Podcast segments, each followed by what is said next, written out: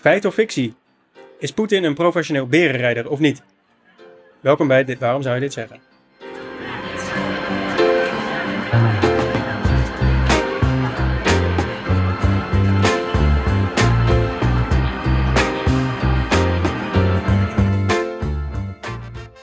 Welkom weer mannen.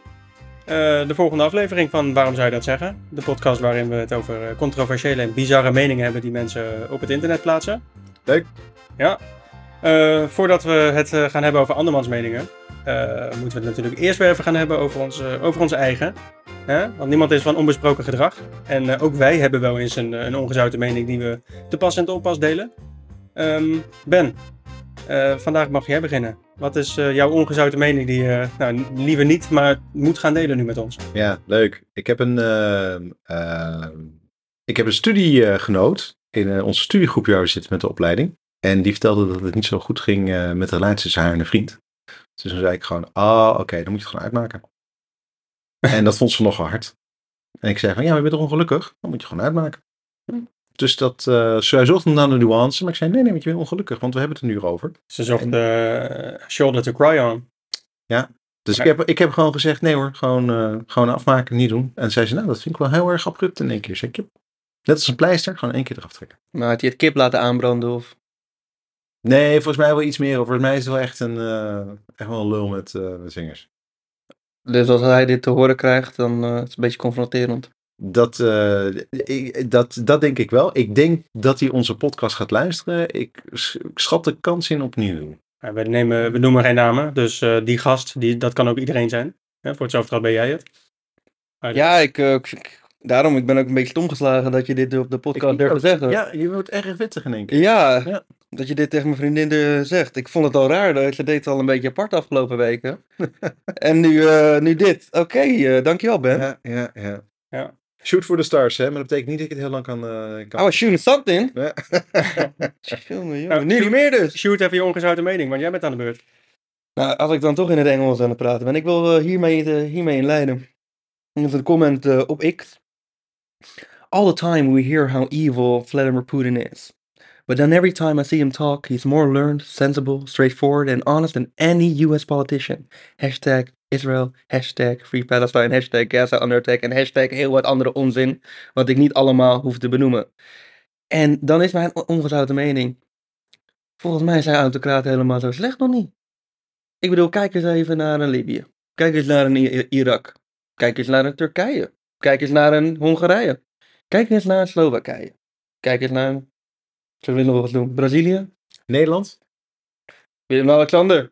Willy. Willy. Geen echte autocraat, want een autocraat is iemand die alle macht naar zich toe trekt en uh, geen een inmenging van anderen uh, accepteert. Willy had het een beetje moeilijk hè, afgelopen week. Heb je dat filmpje gezien, dat hij in Zuid-Afrika was? Ja, die, uh, hij moest zich, onder, heel veel mensen moesten zich begeven naar de auto. Ja. Ik weet niet precies wat daar aan de hand was, maar in ieder geval in, inheemse mensen die, die origineel in Zuid-Afrika woonden, die, die waren niet blij met hem. Nee. Weet, jij, weet jij daar meer over? Nee, ja, precies dat. Dus ze wilden volgens mij uh, um, boetedoening en ook rechtsgeld zien van Nederland. Voor, ze horen van een inheemse stam in Zuid, Zuid-Afrika. En dus toen Willy zei van, ah, het is hartstikke goed dat jullie hier staan. maar dat gaan we niet doen. Toen werden ze boos. En toen kwam de beveiliging erbij en was het allemaal een beetje trekken, duwen, noem het allemaal maar op. Maar volgens mij, als je ook het filmpje ziet, ik heb hem uh, twee keer helemaal afgekeken. Willy lacht ook gewoon hoor. Dan gaat gewoon lachend, maar een grapje met zijn uh, beveiliging en stapte zo de auto in. Ja, ik dacht Maxima. Maxima, die, was iets, zag iets uh, bedrukt Die keek, die keek wel een beetje bang. Ja. was weer een beetje bang. Ja, want die... En, en Willy, die ging gewoon snel de auto in. Ja. en Maxima, die, die moest er zelf maar redden met die beveiliging. Ja, en Maxima kreeg natuurlijk alweer flashbacks terug van haar jeugd in Argentinië. Dat als ze daar uit de hand loopt, dan gaat het goed fout. Dus dat... Maar dat is ook nou de autocratie, hè? Of een auto, daar is ook een autocraat aan de macht. Zeker. In de jaren zeventig. Ja. Giunta. Ja. ja.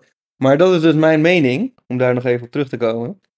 Uh, dat autocraten niet per se uh, voor een land uh, slecht moeten zijn. Want als ik kijk in sommige democratieën, wil het ook niet altijd het meest gunstige zijn. En voor Irak en Libië is het land er alleen maar slechter op geworden sinds die autocraat is afgezet. Ik zeg niet dat, het, dat, dat die mensen goed zijn.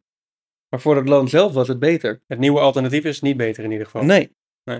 Stijn, nou moet denken wat jij vorige keer tegen ons zei. Dat jij gemiddeld twee keer per week aan het Romeinse Rijk denkt. En de Romeinse Rijk hadden wel vijf goede Caesars of vijf goede keizers. En eh, dat waren autocraten, maar die waren erg geliefd door het volk. Dus het kan wel. Het kan zeker, ja. Het zijn geliefde koningen. Ja. Nee, eh, dat is ook een autocraat, Willy. Dus eh, ja, het, het- sommige volken, ik weet nog een collega van mij zei, die kwam uit Algerije. En die zei, wij Arabische mensen hebben ook gewoon eh, een dictator nodig. Nou, vond ik dat nogal een heftige opmerking. Maar ik, eh, ik, ergens kon ik ook wel begrijpen wat ze zei. Want het gaat, het- ja, het, het gaat er niet beter op op dit moment. Nee, helemaal mee eens. Hm. Nog, nog even een mooi verhaal over Willy. Ehm, we hebben een tijdje in het buitenland gewoond. En een goede maat van ons, Chris, eh, zijn vrouw, die eh, speelt eh, op het allerhoogste niveau voetbal. Voor de Argentijnse eh, international team ook. Oh ja. Dus ze moesten spelen, eh, wat was het, de, de Women Cup eh, 2019, eh, 2020, eh, wat dan ook. Copa America, whatever. Wat dan ook, ja precies. En eh, de Argentijnse team speelde tegen het Nederlandse eh, vrouwenteam. En Chris was dus uitgenodigd en zat daar op de eretribune met de VIP's. En hij vond het fantastisch, was eten en dat soort dingen. En er stond een man in een hoek, of in een hoek is overdreven, maar er stond daar een man. En daar ging er een beetje mee praten. En het scheen dus Willy te zijn.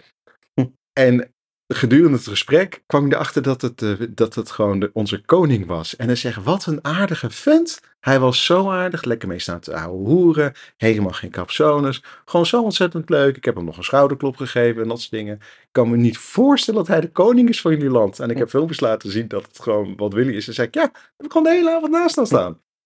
Ja, want die is toch lekker normaal gebleven. Ja, dus dat, eh, we kunnen zeggen over Willy wat we willen. Maar ik denk wel een heel mooi uithangbord voor, voor Nederland. Denk ik ook. In ieder geval een gezellig uithangbord volgens mij. Ik had begrepen dat de bitterballen er goed in gingen. Dat was de eerste keer dat Chris eh, bitterballen had. En dat herinnert zich nog heel goed. Maar goed, Sander, vertel. Jij, eh, jouw kennende heb je vast ook wel een eh ongezouten mening paraat. Zeker, zeker, zeker. Gisteren was ik eh, op familiebezoek. Ik ging met de trein, met de burgerrups. En eh, het was ten eerste heel druk. Eh, ik, moest, ik, moest, eh, ik kon uiteindelijk ergens zitten, dus dat was heel chill. Eh, dat, dat is al chill dus, hè, tegenwoordig, dat je kunt zitten. Dan de privileges. Ik denk voor de mensen thuis belangrijk. Gisteren is zondag, hè? Ja. Want ik krijg meteen de associatie zondag. Ah, is lekker rustig in de trein. Het was zeker niet rustig, nee. Nee, we gingen van Amsterdam Centraal naar Veenendaal de Klom. En eh, we zaten dus in de trein. En naast ons zaten mensen, eh, die waren nogal luidruchtig. En nou, ik als misofoon perso persoon, eh, ik kan niet zo goed tegen geluiden van mensen, werd daar echt helemaal gek van. En het ergste wat ik vond was dat iemand zo'n, eh, de telefoon, het geluid van de telefoon stond keihard aan. En bij elke toetsaanslag hoorde je tik, tik, tik, tik, tik, tik. Ah, ja. En dat mensen, dat was alleen maar aan het appen. De hele motherfucking tijd. Dus je hoorde de, de hele tijd. En het bleef, het bleef gewoon maar aan. Dus mijn ongezouten mening is, mensen die hun telefoon niet op stil hebben staan, zijn fucking irritant. Sowieso, maar mensen die überhaupt praten met de telefoon in hun hand. eh, Met een halve meter ertussen en gewoon tegen de telefoon staan te schreeuwen. In plaats van naast je oor te houden. Hmm. Mensen die muziek afspelen door op de telefoon terwijl ze op de fiets zitten. Allemaal dat soort dingen. Dan denk je echt, jeetje, nekslot. Nou, ik heb, dit, ik heb dit wel eens dat eh, mijn vriendin me belt terwijl ze in de trein zit. En dan hang ik ook gewoon op. En dat vindt zij heel raar. Dan zegt van, eh, hoezo hang je op? Ik zei, ik vind het persoonlijk heel asociaal wanneer mensen gaan bellen in de trein. Ook al zit je niet in een stiltecoupé. Nou, het hangt een beetje vanaf, denk ik, hoe je dat doet. Ik denk in de stiltecoupé is het sowieso, is het zo snel mogelijk laten weten en eh, ophangen. Ik denk dat je op een beschaafde manier ook wel telefoongesprekken kan voeren. Ja, nou dan moet het wel echt heel belangrijk zijn voordat ik dat oké vind. Ik vind, ik, ja, ik vind het persoonlijk niet een plek waar je een gesprek met anderen hoort voeren. Want dan, dan hoor je, ik hoor andere mensen hun compleet levensverhaal. Daar heb ik, Nou ja, ik ging een tijd geleden ging ik een maand van opzoeken in Groningen. En toen moest ik met de bus van Groningen naar Groningen Centraal. Ehm, en eh, die maat van mij die belde om te vragen waar ik, waar ik was. En er werd mij heel duidelijk gezegd, niet alleen door de chauffeur van de bus, maar ook door de medepassagiers, dat het eigenlijk helemaal niet gangbaar is om te bellen in de bus. dat moet jij je nog laten vertellen als... eh, Dat, en toen dacht ik, 37 ja, dit is, al, dit is al tien jaar geleden hoor. oh, Maar, eh, dat ik echt dacht van, jeetje mina, oh, oh, oh, oké. Nee, goede etiketten.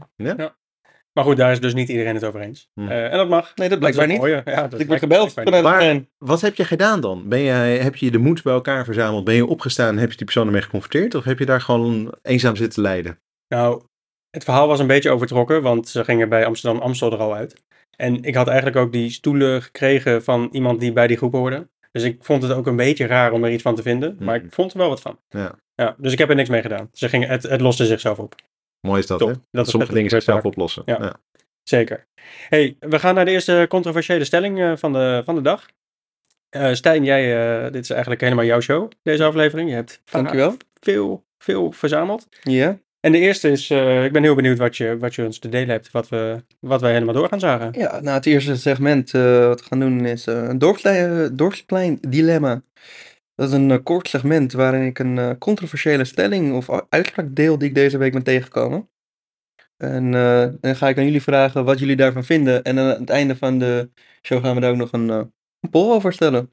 Dit eh, kwam ik op eh, Geen Stijl tegen. Prachtig eh, platform waar jij ook een eh, account op aangemaakt bent. Sinds eh, twee weken geleden inmiddels nu. Mooi, mooi. Ja. Nou, dan weet je wat voor leuke commentaren daar... eh, Hoeveel reaguursels heb je al geplaatst? Eh, ik heb er nu drie of vier geplaatst. Dus ik heb nog steeds een klein babytje voor mijn naam staan. Oké, als je Win 12 tegenkomt, dan ben ik dat niet. Wint. En eh, maar goed, in ieder geval de opmerking is...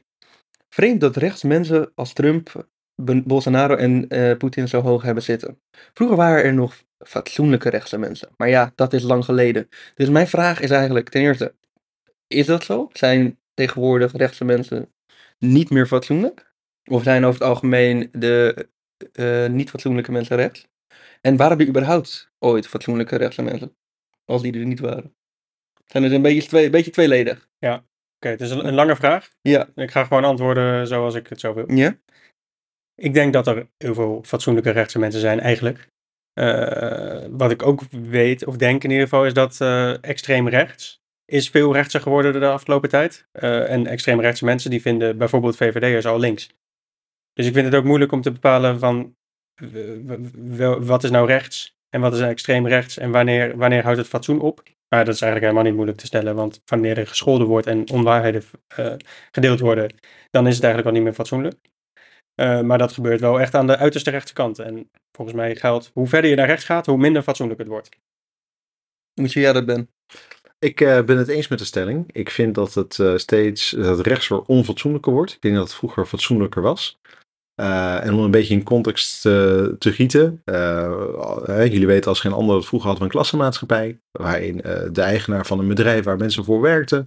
er was iemand met aanzien en met geld. Die kon tot en met, laten we zeggen, 100 man in dienst hebben. Hè. Dat waren allemaal dan de arbeiders. En de socialisten. En dan de eigenaren van de, rijke figuren. En dus meestal rechts. En dan voornamelijk in Engeland hè, met de hele Tea Party. Sorry, in Amerika natuurlijk met de Tea Party, maar eh, in Engeland ook met de conservatieven. Hè, dat is de, de normale hardwerkende man eh, die graag uh, machetknoopjes draagt en eh, hè, die voor het goede leven staat.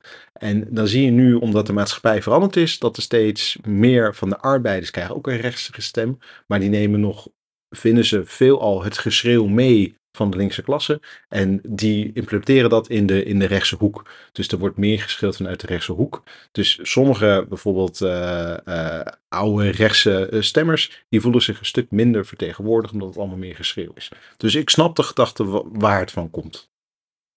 Maar waarom heb ik dan ook nog het gevoel dat het de afgelopen jaren veel erger is geworden?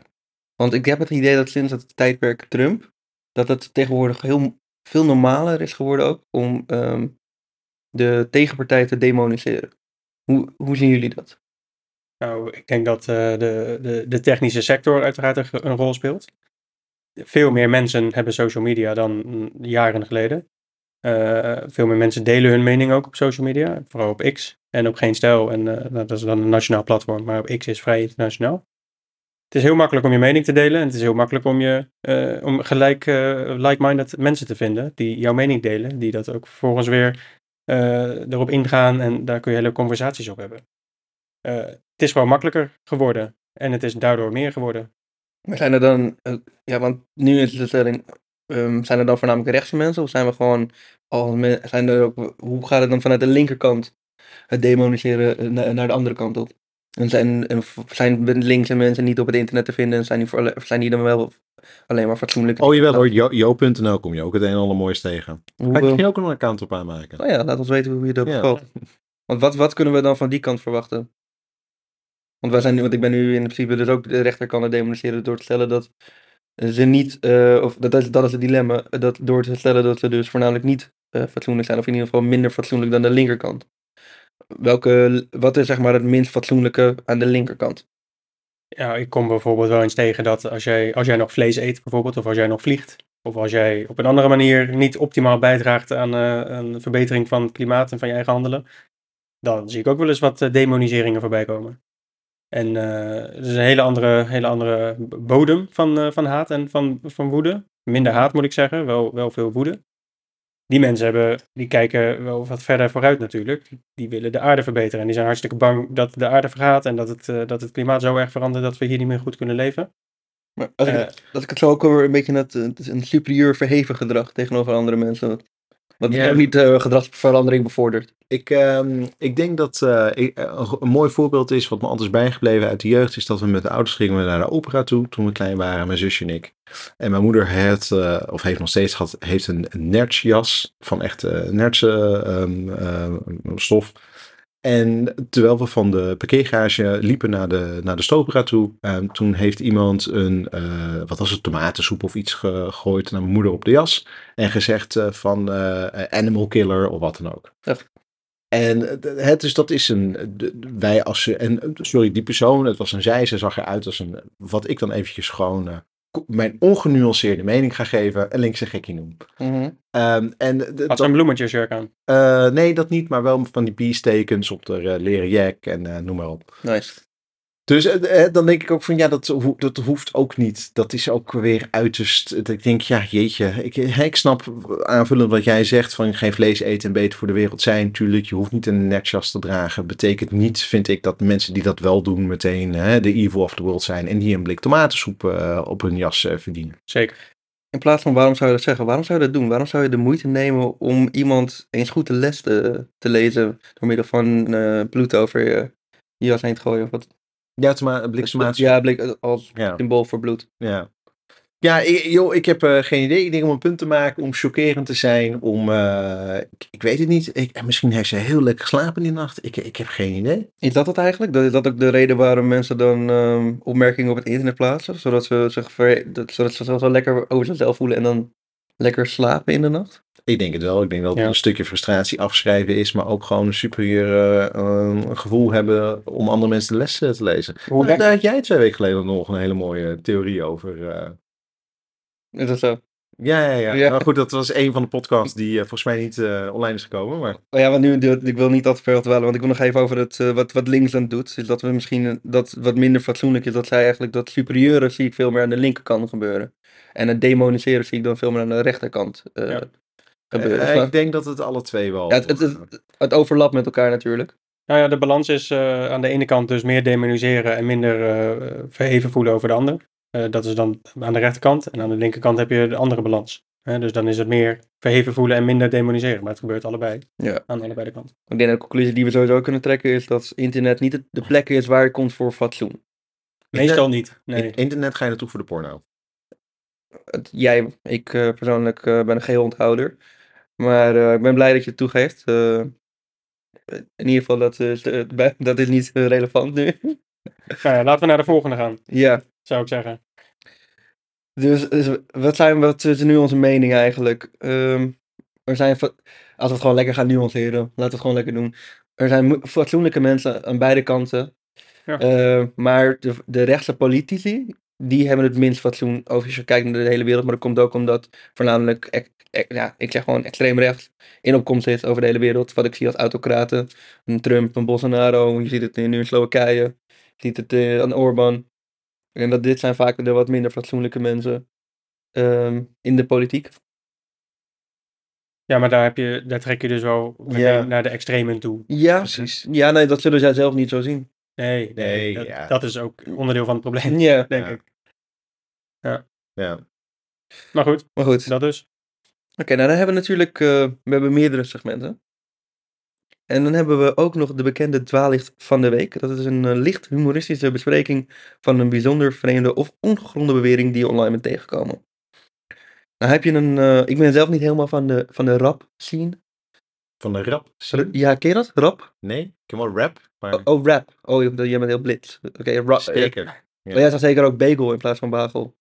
Bagel. Ja, Zo, ja. zeg ook bagel en beans. Hij, nou, ik ga lekker naar de bagel en beans. Zeg je wel. Ja, deze Ik, jongen- ik ken een vrouw die wel dat zou zeggen. Ja, ik ga naar de bagel en boven. Ja, nou ja, bij deze. eh, Oké, nou ja, hippe jongen ben je. Zo, In ieder die geval. stop ik in mijn zak. Zo, Die- dat is weer ja. een momentje van de dag. Dankjewel. Ja, nou goed. Ik, in mijn tijd kon je gewoon nog naar Ali B luisteren. Mag ook weer niet meer. Je mag ook niks meer tegenwoordig. Maar goed. We hebben nu eh, hele bekende eh, rappers. En daar eentje eh heet rapper Kafka. Wie kent er niet? Kafka is. wel. Ik weet niet of je daarvan afgeleid hebt. Ik denk het niet overigens. Ja, misschien onderschat je hem. Ik denk het wel. ik denk zeker dat ik hem onderschat. Nou ja, maar goed, misschien na zijn opmerking ga jij een andere... Idee. Ik ga Ja. ervoor zitten. Ik zit Ja. er klaar voor. Ja. En eh, dus ik ga het gewoon droppen. En ik ben benieuwd wat jullie ervan vinden. Zijn jullie het ermee eens of niet? Gideon van Meijeren is een van de meest getalenteerde Kamerleden van het moment. Hij verdient veel stemmen. Op 22 november. Doe een hartje en retweet als je het daarmee eens bent. Ehm, oneens. Geen hartje voor Gideon? Nee, En ook geen retweet.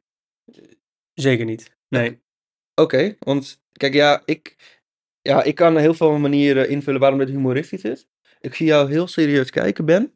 Ik, eh, ik denk, ik zal het retweeten als hij eh zo meteen in de gevangenis zit. Vanwege zijn uitspraken over tribunalen. Wat er wordt aangezet tot eh, eigenlijk scheiding eh, en opruiming.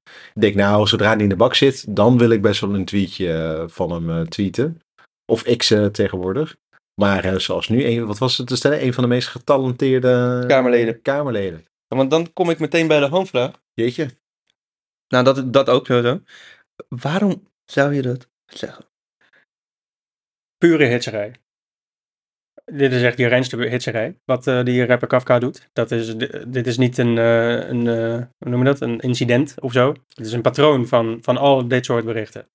En ehm, ja, ik weet niet eens. Er gaan de geruchten dat hij het niet eens zelf is. Maar dat de FVD achter accounts als deze zit. Eh, maar goed, dat is speculatie. Weet ik niet zeker. In ieder geval, eh, deze gast die is alleen maar aan het opruien. Die wil mensen tegen elkaar opzetten. Nee. Die is bezig om nou, de, de, de Gideon van Meijeren op een voetstuk te plaatsen. eh, en om zijn volgers, de volgers van Gideon van Meijeren en die van eh, Kafka, om die bij elkaar te brengen. Het zijn vaak ook dezelfde mensen. En om die tegen de normale mensen in de wereld, te- om die tegen elkaar op te zetten en boos te maken. Weten we of het een man of een vrouw is? Gideon van Meijeren? Nee, laat- de dat- Kafka... eh, wat is Dat het? is, dat is Oh. een man. Dat is een man. Dat is een man. Hij identificeert, identificeert zich als een man. Als een man. Ja. Ja, ja, ja. Ja. Nee, ik vraag het even, want ik denk misschien is een vrouw. Een man kan natuurlijk ook hè, tegenwoordig. Ja. Eh, maar ook gewoon onwijs. eh adoreert eh, hij of zij eh uh, van der Meijden. Is verliefd. Ik bedoel, Balken is ook getrouwd. Is ook niet iemand die je denkt, Maar- nou... eh, Maar we leven in een tijd waarin we de meest rancuneuze, radicale figuren als, als geweldige leiders zien. Eh, waarom? hoog, Waar, hoog, hoog, hoog, hoog, hoog. Geweldige leiders. nou, nou, wij, wij niet persoonlijk, maar ik bedoel, er zijn mensen... Pakte voor de, van de democratie. En daar zijn... he- We hebben, een, eh, we hebben nu de Achilles eh, space, eh, de Achilleshiel gevonden van de democratie. En er zijn mensen die daar op de juiste manier gebruik van maken. En die komen, worden dan verkozen tot de Tweede Kamer, tot de president van Amerika, tot noem maar op. Maar dat is echt de zwakte van, eh, van het systeem. Ik wil niet directe gelijk, vergelijkingen te treffen, maar wat je vaak ziet, en dat gebeurde dus na de beurskracht in 1929, meen ik, ehm, ook dat er sociale en economische onzeker, eh, onstabiele tijden waren. Mhm. En tegenwoordig leven we in principe ook in dat soort tijden. We hebben heel veel onzekerheden waarin we leven. En dat zijn juist de tijden waar mensen op zoek zijn naar sterke leiders. Waardoor de, dat is ook deels de opkomst, eh, de reden van de opkomst van ehm autocratische leiders over de hele wereld. Maar om gewoon even een, een, een deelvraag te stellen. Ja. Gideon van der Meijden is toch geen... Ik, sorry, ik associeer Gideon van der Meijden niet meteen als een sterke leider. Dat, dat is mijn punt ook. Ja. Wat maakt hem dan een, Ja. een van de gezagvelhebber, opperbevelhebbers van FVD? Nou, dat is denk ik eh, niet eens zo heel moeilijk uit te leggen. Hij kan zich best goed verwoorden in de Tweede Kamer. Eh, de mening die, eh, die zij verkondigen en de, complottheorieën die, die zij verkondigen, eh, zijn, nou, ze komen er altijd wel eloquent uit. Ik heb er één filmfilm gezien, volgens mij over dat tribunalen met eh, eh, de Jong. En Oh ja. ik vond hem nou niet heel sterk. in Nee, maar dat was. Pepijn van Houwelingen. Dat was iemand... Oh, was dat Pepijn? Nou, dan ga ik dingen door elkaar Ja. halen. Oké, Nee, je ziet er mij- goed. Nee. Ik geïnformeerd ben in de FD. Een lood uit ijzer, maar... Ja. Ja, nou, het, het is allemaal eh gespuis. Dat, dat sowieso. Maar, Maar ehm, hou op met demoniseren. Oh, sorry. En je- ik vind ook ja. wel dat jullie dingen buiten de context plaatsen, plaatsen hoor. Ja? Ja, Wat dan? volgens mij zegt hij ook goede dingen en zo. Ja, ongetwijfeld. Maar Ja, hij zegt, goedemorgen, zo, nou, dank u wel. Oké, het Ja. is niet zo alsof je dat kunt balanceren. Hij ging ook naar een anti-abortuskliniek, zag ik hem of zo. nou, Ja, Of- en wat ging je daar doen? Eh, Opruien. Opruien, demonstreren, protesteren. eh, Want die mensen geloven daar niet oprecht in, hè? maar dat dat, is- is, het gevaar. dat Deze, is- me- deze man ook, die, die gelooft hier niet echt. Denk je dat hij- Geloof, weet ik zeker. Hij Geloof- weet, hij weet gewoon precies hoe die mo- mensen moet mobiliseren. Het boeit hem geen fuck of die kinderen... Ja, ik ga het gewoon heel hard zeggen. Het boeit hem geen fuck of die kinderen eh, in een abortus... eh, Nee. Ja, of, die, die, die daar, eh, ja, hoe hij dat zou zeggen, vermoord worden of niet. Dat boeit hem echt niet. Nee, het is gewoon weer een, eh, een salade uit de saladebar die, eh, die ze trekken. Nu is het abortus en daar, worden, daar maken ze mensen boos over. Inderdaad, je hebt gewoon een soort carousel van onderwerpen waarin al die mensen in geloven. En het, is, het heeft met klimaat te maken, het heeft met abortus te maken. Het zijn van die typische extreem rechtse onderwerpen waar iedere keer weer weer wat iedere keer voorbij komt. Verzin eens wat nieuws. Nou, dat, dat doen ze best wel vaak. Iets niet Ja, ik wil het zeggen. Oké, week- Ja, Ja, reptielen en reptielen en Ja. globalisme en Dat Maar vond ook- ik ook een mooie trouwens van de week. Dat, eh dat, dat Thierry Baudet, die, die, die ging naar een internationale afspraak eh, tegen globalisme. Besef even wat, die, wat, die, wat, het- wat het is. ik weet het zelf ook niet eens meer. Volgens mij is het een soort synoniem Oh. voor hem voor... eh, Ja. eh, Ja. Maar goed. Volgens mij overal waar, waar tegen voor is, daar gaat hij naartoe. Dat is ook... eh, Maar wanneer komen ze nou eens met daadwerkelijk oplossing waar we als maatschappij op vooruit gaan? Ik vind het heel leuk om het elke keer te haten tegen dingen die niet Niet goed echt, gaan. Ja, maar laten we eens. Wat zijn nou jullie oplossingen om vooruit te gaan als maatschappij? Nee, maar dat is toch ook met de BBB, joh. Die hebben toch ook geen oplossingen? Dat is toch alleen tegen het systeem zitten? Noodwetten. No- Gewoon overal noodwetten. Ja, dan, hebben we het land zo weer op. Maar een noodwet is toch verschrikkelijk? Noodwet is toch nooit ontworpen en bedoeld? Een noodwet is een noodwet. Dat is niet bedoeld om wetten doorheen te drukken. Maar uit, uit dus de nood om iets gangbaar te maken, om te kunnen, goed te kunnen besturen. Het is echt, het is echt armoede. Nou, ik vind het wel mooi dat je het over de BBB hebt, want dan wil ik eigenlijk meteen door naar mijn volgende onderwerp, namelijk eh, de Peter Pannenkoekprijs. Oftewel de held van de commentaarsectie. Ik vond het deze week, eh, ik, vond het, ik zeg jullie gewoon eerlijk, ik vond het lastig. Dus als je er op zoek, naar op zoek gaat, dan is het dan altijd ineens wat moeilijker te vinden dan als je het gewoon spontaan tegenkomt. Dus ik ging, maar ik vond ehm, de volgende opmerking vond ik wel leuk. We hadden afgelopen week een debat in de, bij Koelasje Tour. En eigenlijk was eh, Caroline van der Plas vrijwel niet aan het woord. En toen was ze een keertje aan het woord. En toen, toen zei ze tegen Timmermans dat hij vanwege zijn GroenLinks achterban geen kernenergie wil. Wat deels kan kloppen of niet, maar het heeft wei- weinig inhoudelijk met de discussie te maken. Dus, dit is, dus nu ga ik hem voor de volgende opmerking zetten. Onderbuikgevoelens zijn ook gevoelens. En ik denk gewoon, zonder dat ik eh, dat kan onderbouwen met feiten, dat de heer Timmermans te maken heeft met een GroenLinks achterban die geen kern- kernenergie wil. Dat is wat Caroline van der Plas toen zei. Ja, Lientje, zo sla je iedere inhoudelijke discussie dood. Weer knap gedaan.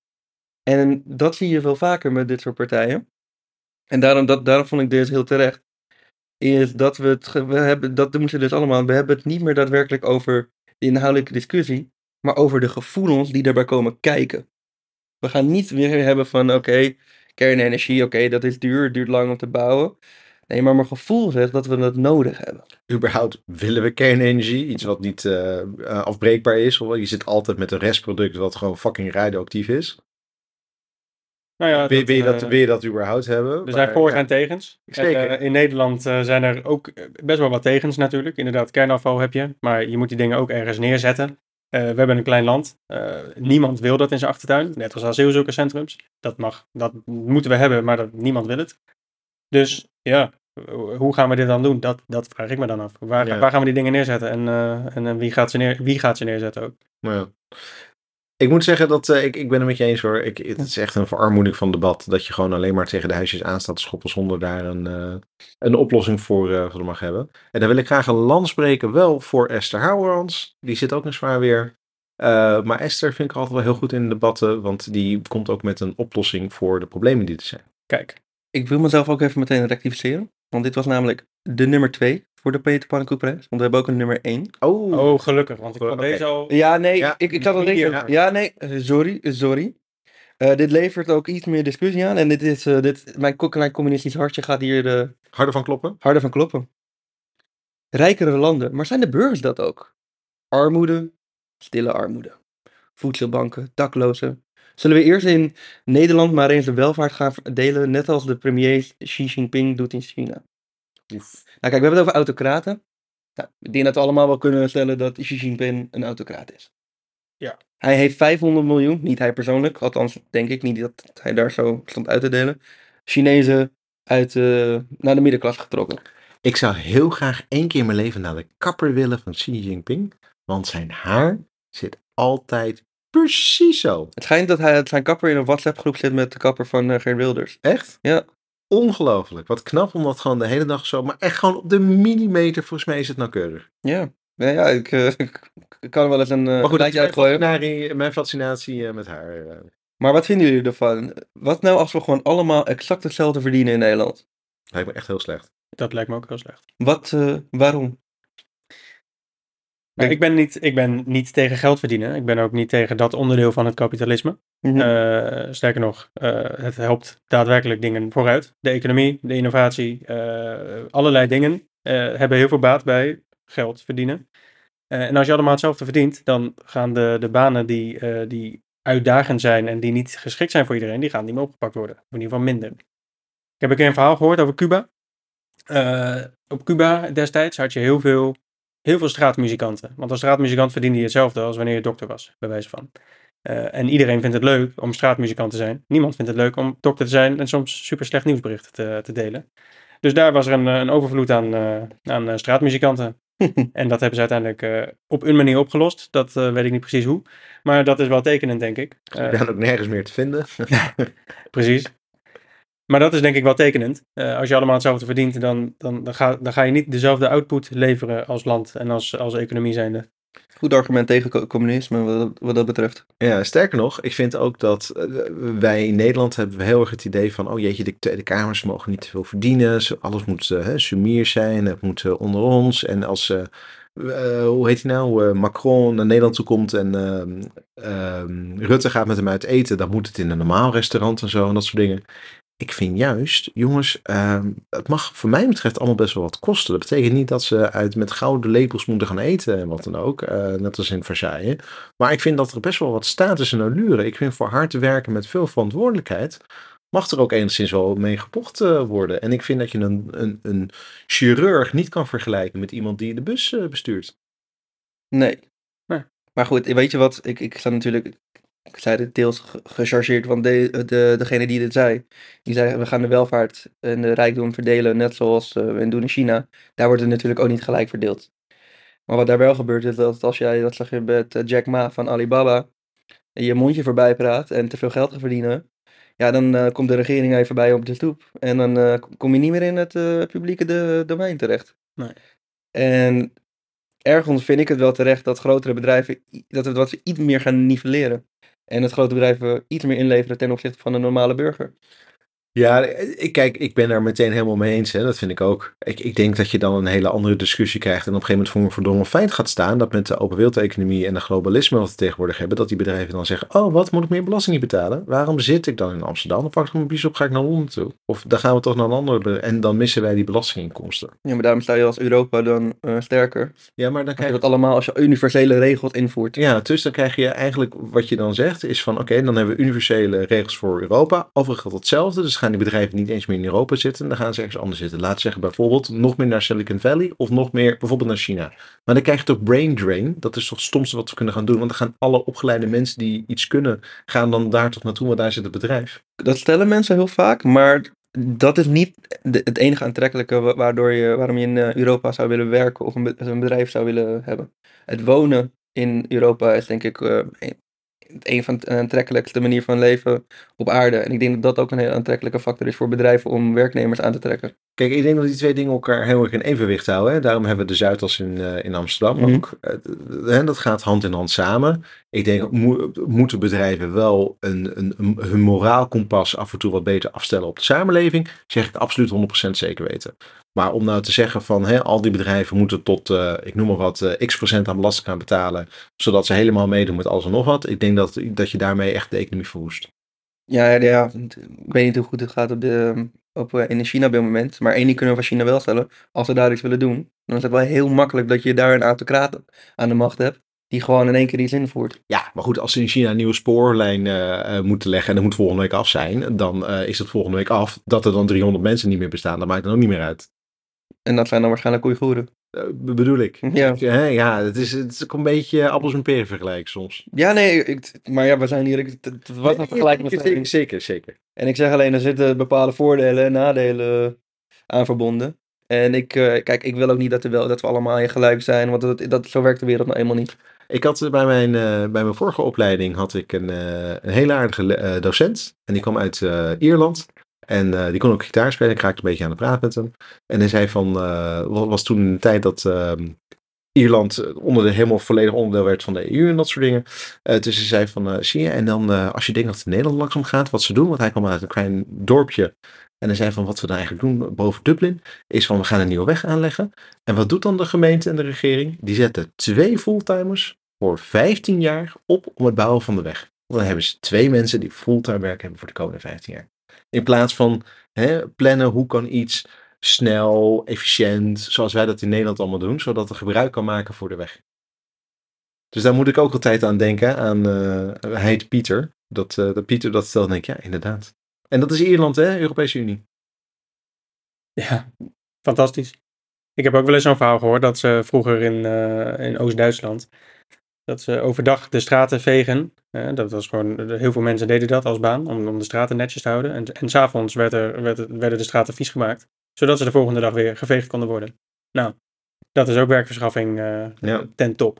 Is toch fantastisch? Prachtig. Maar willen we dus niet de kant op gaan van China? Dat, eh, dat, dat deze meneer, mijn held van de commentaarsectie, we willen niet Oh. China worden? Nee, nee. Nee? nee. Oh, ja. Wat, zijn, wat, wat willen we wel overnemen van China? Ik- Gewoon even om hem een beetje eh, zitten gelijk te geven.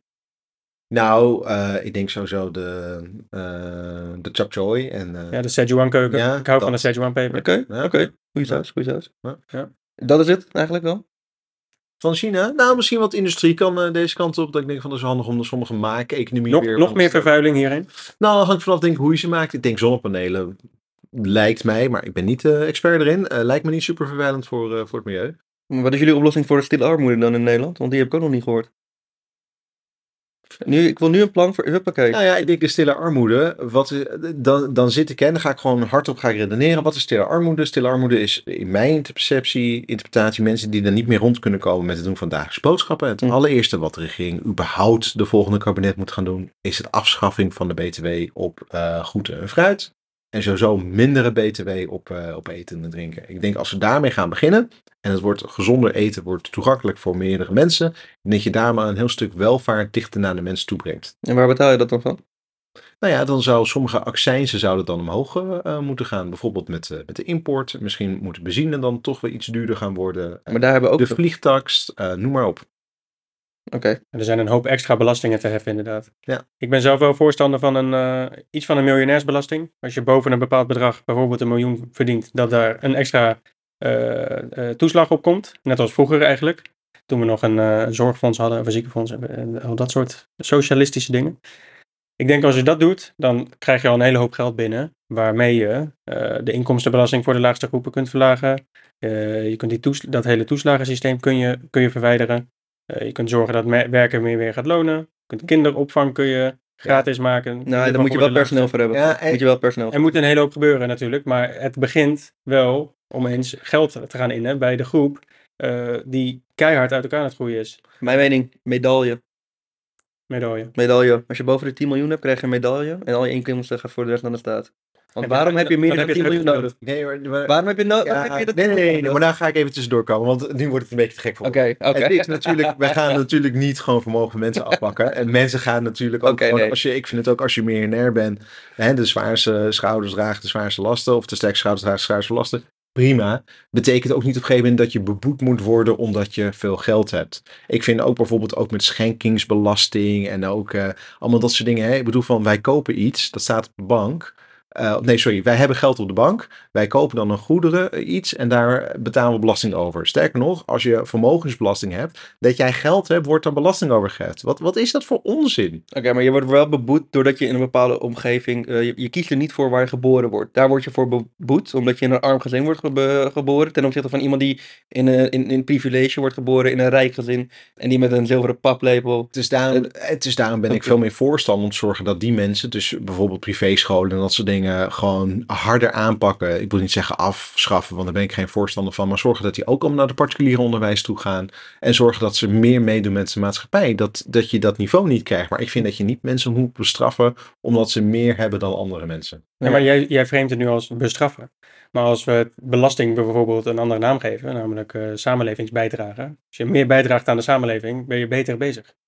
Dan is het toch Daar al hebben we veel- allemaal, we allemaal voordeel van. Maar daar hebben we ik, allemaal voordeel van. maar ik vind het niet eerlijk dat sommige mensen meer moeten afdragen aan de samenleving dan andere mensen. Nou, Ze, ze hebben al meerdere miljoenen. Ik bedoel, eh, ze hebben het niet zwaar zo. Maar dat maakt het toch niet, het zijn toch hun miljoenen? Dat maakt, dat maakt, komen ze aan de miljoenen? ja, dat, dat, dat maakt niet uit. Misschien is de knijter voor gewerkt. Het maakt toch niet uit hoe ze, hoe ze dat vergaard hebben. Sterker nog, als jij in Nederland miljonair kan worden, heb je het toch ontzettend goed gedaan. Want Ja. kan je nagaan, alles boven een x-percentage betaal je, wat is het, 42 of 52 procent belasting over. Ja, en, als je boven de nog- 80k al of zo. en als je dan nog geld op de bank hebt, dan betaal je nog volgens mij voor vermogensbelasting. En als je het dan nog over hebt, dan gaan we het ook nog eens... Ja, kom nou, vadertje staat kan niet drie keer langskomen om eh, de portemonnee leeg te halen. Op een gegeven moment is daar, vind ik, wel echt een grens. Maar we zien toch dat de kloof groeit. Hoe gaan we dat dan wel oplossen? Ja, om te zorgen dus dat die maatschappij dichter bij elkaar komt. En ik denk dat er... Hoe Ik zo hard- contract? Dat, nou, zo extract. Dus dat, dat noem ik met eh, het voorbeeld met de opleiding. Zorgen dat mensen naar dezelfde scholing toe gaan. Zorgen dat ze interact, eh, interactie meer met elkaar Maar we hebben. kunnen niet allemaal hogeschoolde banen hebben. Nee, zeker. Dat, dat, is, dat is het ook niet. Maar daarom zeg ik, zal altijd zal er ongelijkheid en zal er eh, andere klassen zijn. We kunnen wel proberen om dat dicht naar elkaar toe te gaan. Maar om te zeggen dat iedereen, net als communisme, iedereen gaat het gelijk hetzelfde verdienen en iedereen is hetzelfde. Ja, is Dat, wel, dat kan gewoon niet. is nog wel een aardig verschil tussen communisme en het systeem wat we nu hebben. Zeker, wij, wij mensen, wij, wij vinden het fijn om ons te onderscheiden. Dus ook met, met salaris en met geld dat we Ja, hebben. maar je kan je ook onderscheiden met een paar miljoen in plaats van 100 miljoen. Maar dat maakt het. Kijk, en dat is van jou. Jij vindt dat heel erg belangrijk. Voor mij maakt het niet uit. Want het zijn niet. Het zijn die persoon zijn miljoenen. Het zijn mijn miljoenen. Wat maakt jij dan uit of ik miljoenen heb, ja of nee? Het maakt me uit omdat het miljoenen zijn die geïnvesteerd kunnen worden in de samenleving. En dit nu ergens op de Cayman-eiland maar, dat, erop. maar dat heb ik toch gedaan? Want ik heb toch mijn belastingen betaald. En ik betaal toch vermogensbelasting. Nou, niet altijd. En dat is ook weer het probleem. Want de, de, de belastingdruk die wordt steeds minder hoe rijker je wordt. En dat is natuurlijk in absolute zin niet zo gek. Want je hebt gewoon meer geld. Maar als jij heel veel geld hebt, dan betaal jij relatief veel minder belasting dan iemand die bijvoorbeeld in de bijstand zit. Maar dat is toch ook niet eerlijk. Dat moeten, we- dat moeten we toch ook wel gaan oplossen. Betekent niet dat als iemand 100 miljoen heeft, dat hij 90 miljoen dat hij dat moet afdragen. Maar wel iets meer dan nu. Dat vind ik. Ja, en ik, ik, ik ben daar zelf nog niet helemaal over uit. Want ik vind wel dat alle mensen dan in principe gelijk zijn. Dus ik vind dan, als we dan iets als collectief, als gemeenschap dan doen, dan doen we ook allemaal hetzelfde. Want dan vind ik ook van, ja, weet je, er zijn dan hele moeilijke discussies van eh, eh, de, de accijns van de benzine naar beneden. Ja, wie gebruikt dan de meeste de auto's? Ja, dat zijn de rijkere mensen die een auto kunnen veroorloven. Niet de arme mensen, die hebben daar niks aan. Maar je zegt we zijn gelijk, maar we hebben niet gelijke kansen. Nou ja, ik, ik ga nog steeds, vind ik in Nederland, eh, dat echt wel mensen, eh, ik wil niet zeggen iedereen heeft de gelijke kansen, maar ik vind dat het best wel dicht bij elkaar ligt. Vind ik wel. En laten we nou niet doen alsof Nederland een, of ander land is in, in fucking Afrika. We staan vrij hoog op de welvaartsladder en we staan vrij hoog in de algemene cohesie in de samenleving. Maar Betekent staan niet, we dat wij, vrij hoog op de ongelijkheidsindex. betekent niet dat er problemen zijn die we ook moeten oplossen daarmee. Maar laten we nou niet doen alsof, eh, eh, hè, alsof het allemaal veel erger is. En omdat het erger ons anders slechter is, betekent niet dat we aan- niet aan onze problemen hier mogen werken. Nee, maar dat, dat, Want dan kan je elke discussie wel kapot gooien. Ja, ja maar dat, dat zeg ik ook niet. Ik zeg alleen dat ik er niet voor zo voorzie om mensen die heel veel geld iets hebben, om die nog extra en zwaarder te belasten. Dat vind ik ook niet eerlijk. Want Maar- zij kunnen niks aan doen dat zij dat hebben. Mm, Jawel. Terug te investeren in, de maatschappij, maar dat zie ik ook niet per se erin terug. Nou ja, dus dan zou je kunnen zeggen als overheid dat je een aantrekkelijk investeringsklimaat gaat maken om te zorgen dat mensen, en meer mensen in dienst nemen, dat de economie weer gaat lopen. Dat is dat hele eh, vrije denken, liberaal vrije denken. Maar Ja, dat, heeft, dat heeft ons gebracht waar we nu zijn. Namelijk met die grote ongelijkheid. Ja, maar dat komt omdat ook, vind ik, de overheid heel veel taken, wat vind ik bij de overheid hoort, heeft geprivatiseerd, waardoor het nu niet meer bij de overheid ligt. Daar zit natuurlijk 100% ook erg, ergens een middenweg in, vind Mm. ik ook. Laten we dan ook niet zeggen, hè, het is uiterst links of uiterst rechts. De- laten we dan ook zeggen, er is genuanceerd, is er ook wel een middenpunt. Ja. Maar als we hem dan nu even terugpakken, als we een autocraat hadden, hadden we er dan beter op ge- eh, geweest als Nederland of niet? Als de autocraat dan 100% meebetaalt met belasting, denk ik wel. Mooi. Een kleine kans, denk ik. Ik denk dat we wel allemaal armer zouden zijn onder een advocaat. hey, eh, ik heb nog een leuk berichtje. Eh, of tenminste leuk. Eh, ik vond het eh, interessant, want dit is de sectie How can I make this about me? Er zijn natuurlijk eh, hele bekende social media kanalen van. En wij gaan daar gewoon lekker op meeliften. Want eh, dit zijn berichten waar, waar je gewoon, waar- daar kun je niet omheen. Ik heb hier iemand die heeft onlangs op X eh, het volgende geplaatst. Hij plaatste een foto van eh, een motor en daarnaast een, eh, een, een vermoorde Israëlische motorrijder. En hij zegt daarbij: Deze foto van een vermoorde Israëlische motorrijder heeft mij het hele weekend bezig gehouden. Ook omdat ik dezelfde motor en motorrelazen heb. Ja. Hoe laf kan Hamas zijn? Nou, dit is denk ik het toppunt van How Can I Make This About Me? Want er is een verschrikkelijke situatie daar gaande. Eh, voor zowel Israëliërs als Palestijnen. Eh, en het gaat voor hem om die motor en die motorrijlaarzen. Ik moet zeggen, ik vind het helemaal niet zo gek. Want ik had eigenlijk precies hetzelfde deze week. Ik ben blij dat deze man zich zo uitspreekt. ik had het met een filmpje van een hond. Dan kwam een hond hartstikke lief aangelopen. En die werd overhoop geknald door een knakker van Hamas. Echt verschrikkelijk om dat te zien. Ah. En ik dacht meteen, oh, we hebben ook een hond. Dat vind ik zo zielig. Dat kan niet Nou ja, eh, Ik kan er niks aan doen. Ik ben heel eerlijk in. Ik dacht ook meteen, Ik snap oh, het. zielig voor de hond. Wij hebben ook een hond. nou, pla- plaats het voortaan op X en dan eh, kom ik het misschien tegen. En dan Oh ja. kan ik het Ah ja. behandelen in deze podcast. We we weten jullie te vinden, dat is waar het op neerkomt. Ja.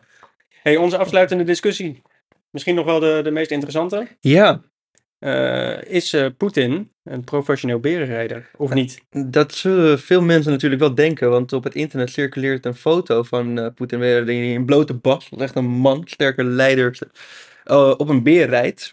Helaas is die foto gefotoshopt, dus is het fictie? Rijdt. Echt gewoon Ja. op zit. Hij zit erop, hij bereidt het. Maar houdt hij dan vast aan, aan de nek? Of heeft hij een tuig, net als een paard? Hoe zit hij? Hij Weet je dat nog toevallig? Eh mij had hij hem vast aan, hij heeft geen tuigje, dat ze dat, Nee? nee, er zit geen tuigje op. Nee, je, ziet hem, je ziet hem inderdaad waarschijnlijk het nekvel vastpakken Mm. of zo. Ah, ja. Zoiets. Maar, maar het mooie is, dat, dan ziet iemand zo'n foto en dan denkt hij, wat een krachtige leider.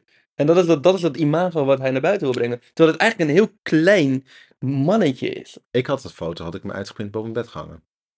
Kun je, je kun dat- je nog steeds doen, hè? Ja. Ja, Kan ik, ga de foto ga ik opzoeken. Maar dit is dus het imago wat dit soort autocraten naar buiten willen brengen. Dat is wat, wat je bij Trump ook ziet. Dat het van die sterke foto's die altijd een beetje boos kijkt. Of weet ik veel. Trump staat er toch helemaal niet oranje op zo'n foto met zo toch de American Eagle en waarschijnlijk nog een wapen ernaast en dat soort dingen. Dat is toch ook, eh, ja. Daar heeft hij volgens mij daar heeft hij zelfs NFT's voor, naar buiten gebracht. Ja, dat bedoel ik. is Jij- echt verschrikkelijk. Trumpcoin of zo. Ja. Nee, nee. is- Jij als Amerika kennen weet dat veel beter dan ik. Ja, nee, hij heeft NFT's naar buiten gebracht en dan hebben Ja. natuurlijk mensen meteen gekocht. En natuurlijk één grote scam. Koop geen NFT's. Ze zijn nu allemaal waardeloos. Holy shit, wat een scam is dat. Maar zouden we dan bijvoorbeeld Willy op zo'n beer zien? Waar, waar moet Willy op zitten dan? Op een eh, leeuw natuurlijk. Op een leeuw. Oh ja, Ja. een Nederlandse leeuw. Ja, tuurlijk. Ja. Precies, een oranje leeuw. Daar heb je denk ik ook geen tuigjes voor. Nou, eh, ik weet niet niet. gewoon aan de manen pakken. Luisteraar, ik ontvang graag de foto met Le- Willy op een leeuw. En dan eh plaatsen we die op onze Instagram. Leuk. Oké, dus eh, Poetin is geen professioneel berenrijder. Nee, nee. Of eh, er moeten nog eh, geheime documenten uitlekken. Maar voor zover ik... eh, Ik denk, ik denk Wat? dat deze op de prioriteitenlijst van geheime documenten uit Rusland, dat deze niet helemaal bovenaan staat. ja, AIVD, MIVD, alsjeblieft, neem contact met me op. Ik, Van het statiekantoor. ja, ik, ik wil me graag laten informeren. En dus, en voor de poll natuurlijk. Ja, Oh ja, wat een poll van deze. Ja, ja, ja. Ik heb de vraag natuurlijk al eerder gesteld. Eh, linkse luisteraars, rechtse luisteraars. luisteraars in het midden en naar buiten. Ja, want we hoeven niet altijd in een hokje te plaatsen. Ook belangrijk. Precies, Ja. iedereen, alle luisteraars. Ja. Wie zijn fatsoenlijker? De hokjes, links of rechts? Of in het midden, wat zullen we erbij doen? Ja, links of rechts is wel makkelijker. Ja, ja, want Ja, de dus- ongenuanceerde horkers zijn. Ja, natuurlijk. ja, vind ik ook wel. Lekker polariserend. Ja, lekker polariserend. Ja, vind Precies. ik ook. We gaan Weet kijken, gelijk- scheidingslijn. Gewoon Ja. links, rechts. Want het zou natuurlijk wel heel leuk zijn als je gewoon links bent en gewoon zegt van nee, rechtse mensen zijn fatsoenlijker. Ja. En dan stem. Dus eigenlijk zien we gewoon in deze poll. Wat, Dus- wat, wat zijn jullie als luisteraar? Laten we hem gewoon nog concreter maken. Ga je bij Stijn staan of ga je bij mij staan? Mooi afsluiten. Oké. Oké. Nou, dankjewel mannen weer voor deze leuke aflevering. ja, jullie bedankt. Eh, Yes. We hebben een, eh, een mooie poll en die gaan we uitdelen op, eh, op Instagram en op X. En eh, ik wil jullie graag bedanken voor het luisteren. En tot de volgende. Yes. En nogmaals, check Ben's OnlyFans.